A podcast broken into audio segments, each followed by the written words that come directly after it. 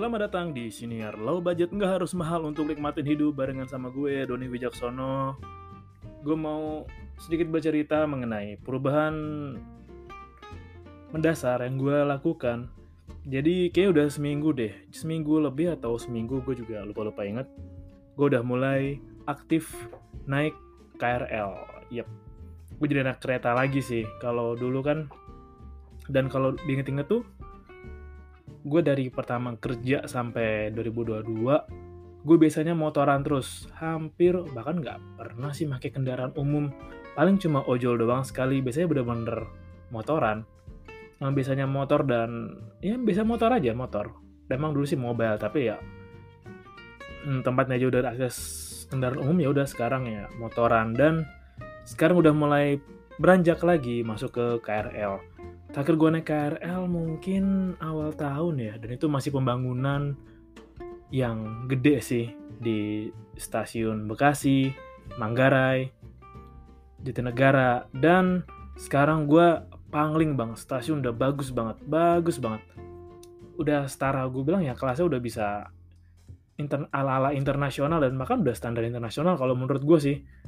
Udah bersih, hmm, sangat keren, instagramable, dan teratur dan rapi. Gua senengnya adalah kalau dulu kan biasanya perjalanan dari rute Bekasi ke Jakarta itu keretanya suka ada 10 sampai 15 menit lah atau ya 10 sampai 15 menit bahkan lebih.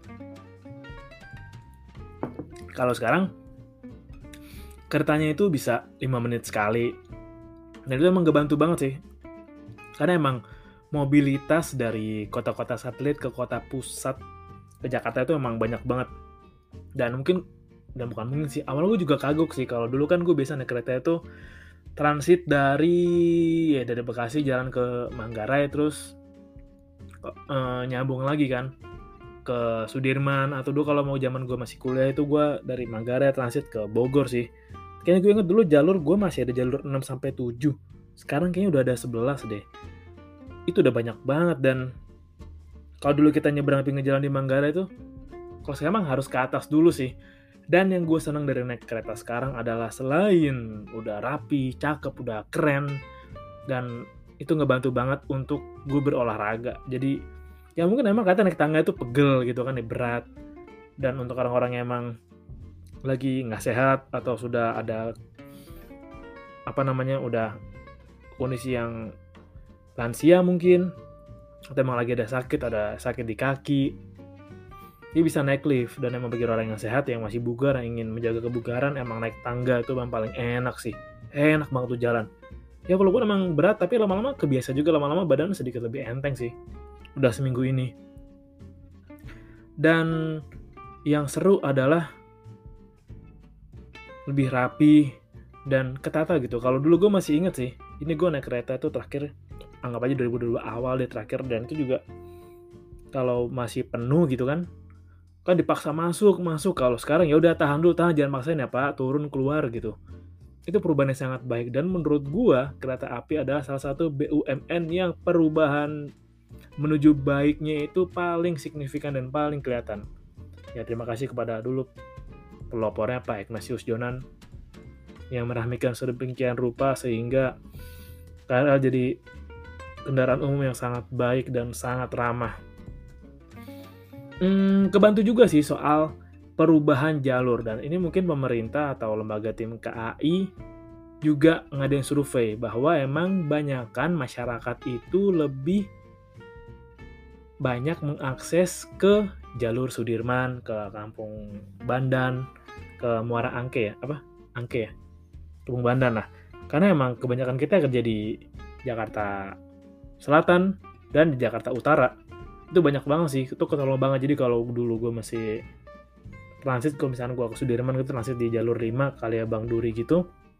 Nah sekarang udah bisa udah naik aja dari Bekasi langsung terus ke turun di Sudirman aja. Sudirman satu line ya desek-desekan biasalah. Tapi desek-desekannya udah nggak separah dulu karena emang kereta yang jalan udah lebih cepet dan ya lebih santai aja dan ya namanya juga orang baru bulannya kereta lagi ya. Ini gue juga agak tolol sih.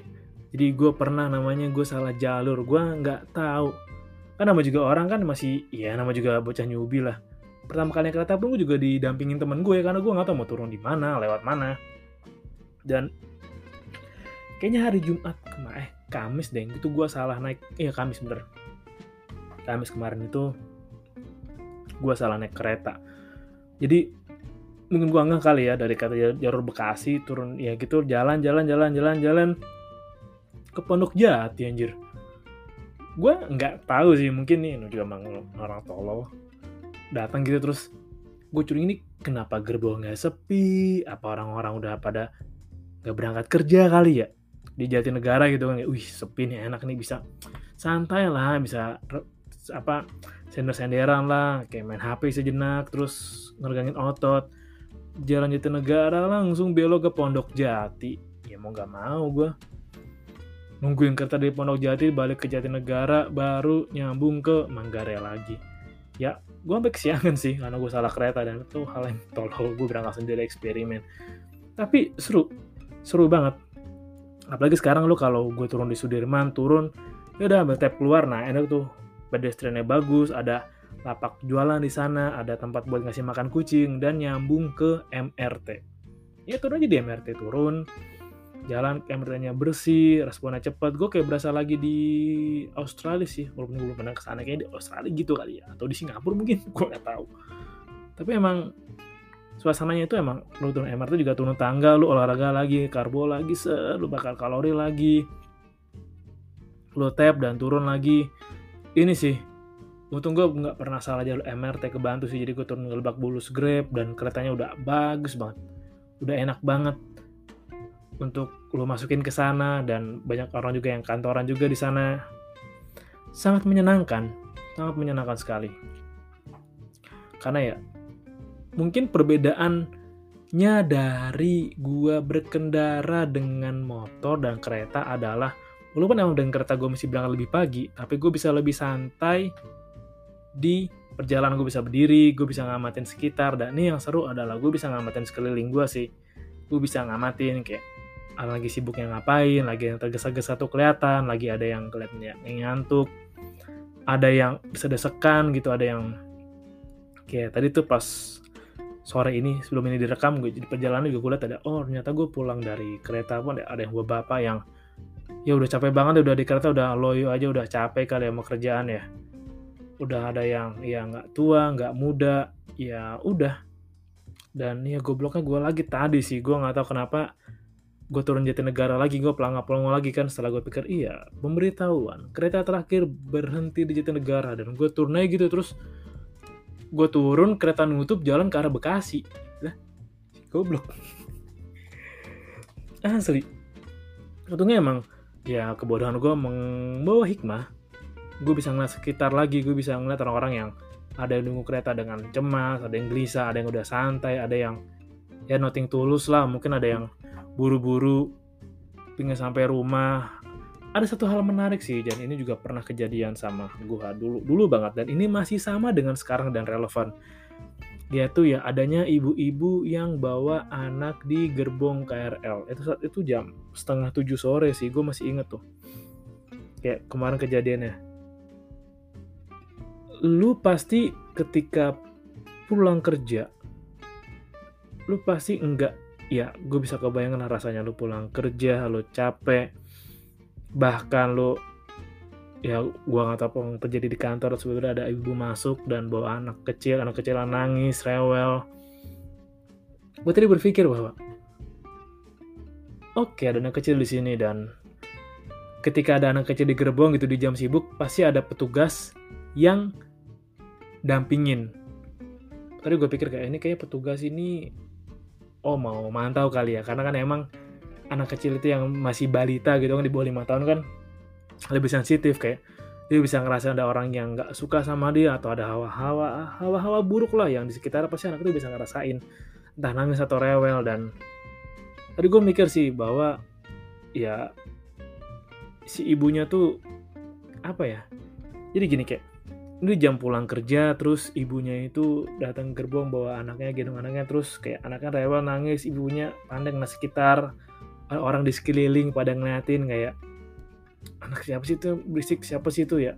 Pasti ada rasa ya capek lah karena ya lu ini siapa sih yang bikin gaduh nih? Kayak gue capek banget di kantor gue pusing ya. Hari ini gue kena omel hari ini gue kena marah bos. Hari ini mungkin gue dipecat atau mungkin hari ini gue dapat SP dan gue nggak bisa pulang dengan damai. Dan ya kelihatan banget sih bu itu kelihatan resah banget yang ngeliatin sekitarnya dan gue tuh cari tahu sih uh, bagaimana sih regulasinya soal uh, anak boleh naik KRL atau enggak. Jadi peraturan tuh hmm, kan kalau gue di kereta kan ada anak dengan tinggi 90 cm wajib dengan tiket sendiri kan. Nah gue sambil baca artikel dari detik.com tapi ini artikel yang coba ada artikel bulan Maret 11 Maret 2022 apakah anak kecil boleh naik KRL cek aturan lengkapnya di sini nah di sini kasih tahu sih anak kecil yang mungkin aturan yang dulu anak kecil boleh naik KRL dengan ketentuan nah bla bla bla bla bla tapi ada poin spesifik di sana di mana kalau Anda ingin mengajak anak kecil naik KRL, oke ada ketentuannya. Bahwa mereka harus didampingi orang tua dan menerapkan protokol kesehatan yang ketat. Nah, ada lagi nih, mengacu soal dan tersebut, PT Kereta Komuter Indonesia pun sudah menerapkan aturan sejak Rabu 9 Maret kemarin. Ada lagi nih, apakah anak kecil boleh naik KRL? gunakan di luar jam sibuk. Melansir akun Twitter @komuterline, anak di bawah 6 tahun yang hendak menggunakan KRL harus di luar jam sibuk. Adapun jam sibuk operasional KRL adalah pukul 6 sampai 8 pagi dan jam 4 sore sampai jam 6 sore. Mungkin memang ada ketidaksengajaan di mana mungkin ada ibu yang nggak tahu dan ada ada orang tua yang nggak tahu bahwa mungkin ada keperluan mendesak atau ada secara sadar aja naik KRL di jam sibuk dan ya memang itu konsekuensinya ya berdasar-desakan dengan orang pulang kerja. Dan yang mungkin bisa kita lakukan sebagai orang dewasa ya berusaha mm, menerima keadaan itu. Karena kalau kita terus kayak uh, lu pasti tau lah rasanya ketika lagi ditatap dengan sinis dan tatapan nggak suka sama orang. Ini gue bisa ngeliatin sih kayak pas banget kejadian kayak kami sebalik kemarin ayah ibu yang bawa anak itu pun datin secara nggak suka aja mana orang kayak siapa sih ini berisik deh mana sumber suaranya? Gitu. Ya itu pasti akan ada tekanan sendiri untuk ibunya dan ya ibunya itu malah ya nggak tenang malah bikin panik ibunya panik anaknya tambah nang nangis tambah panik juga sampai ya petugas harus ngurusin dan memang kita emang nggak bisa atur gimana anak itu bisa tetap diem dan kalem kalau emang anaknya yang aktif gitu ya. Tapi yang bisa kita lakukan adalah ya kita coba untuk memaklumi ketika ada ya ibu yang bawa anaknya di KRL, bawa anaknya. Mungkin kalau kita ada di posisi dia, kita juga ngerasa kayak, aduh gak nyaman dilihatin nih banyak orang nih, aduh anaknya gak mau rewel lagi, gak mau diam lagi, berisik banget, jadi nangis mulu, nangis mulu, teriak mulu, bikin malu aja. Ada perasaan gitu dan anak kecil kan nggak tahu apa yang terjadi di sekitar ya, anak kecil nggak tahu rasa capeknya pulang kerja, anak kecil nggak tahu rasanya dapat SP, anak kecil nggak tahu rasanya dimarahin bos gimana atau dapat PHK dadakan gimana ya emang ada keadaan di mana ada faktor yang nggak terduga dan nggak bisa kita kendalikan. Yang bisa kita lakukan untuk mengendalikan faktor itu ya berdamai dengan diri sendiri sih. Memaklumi aja ya. Ya namun juga anak kecil nangis ya wajar. Dan hmm, menurut gue sih nggak apa-apa sih. Kalau buat gue kemarin kayak anak kecilnya wajar aja sih kalau emang nangis teriak-teriak pasti dia bisa ngerasain kayak energi gak enak dari orang-orang di sekitar yang udah capek, suntuk, kesel gitu, terus pulang kerja dan kumpul di satu gerbong dan mereka sensitif akan hal itu.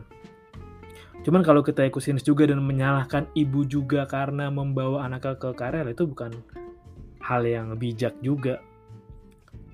Ya mungkin, mungkin kita nggak tahu bahwa kan ada, ada ketidaktahuan dari ibu yang kalau di peraturan KRL ya kalau bisa bawa anak jangan jam sibuk karena nanti udah desekan anaknya nggak aman juga nanti resiko juga buat anaknya buat ibunya juga kadang emang nggak tahu kadang emang hal yang mendesak ada urgent kan dan nggak semua ibu itu bisa bawa motor gitu kan. Juga nggak semua ibu bisa bawa motor untuk berkendara jarak jauh kan.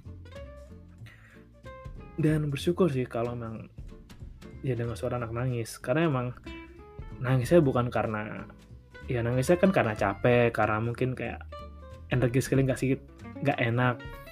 Coba anak ya jangan sampai tuh anak nangis kayak anaknya bener-bener sedih itu hanya keadaan sementara sih dan itu lebih baik sih karena dulu gue lupa nih kayaknya gue yang ngalamin tapi sore sih jam 2 atau jam jam setengah tiga atau jam 3 ya. Anaknya tuh ada sempat muntah di muntah di gerbong gitu muntah di KRL dan itu makanya dibuat kebijakan bahwa ya kalau bisa jangan bawa anak untuk naik kereta di jam sibuk karena resikonya nanti kalau anaknya yang muntah atau ya misalkan uh, pup di gerbong ya resiko bau segerbong resiko juga yang kerugian juga orang tuanya malu.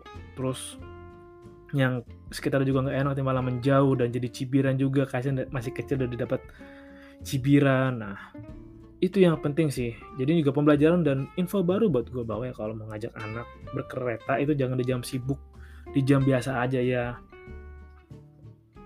Mungkin alternatif kali ya kalau emang ada ibu yang bawa anak tuh di gerbong wanita dan khusus gitu.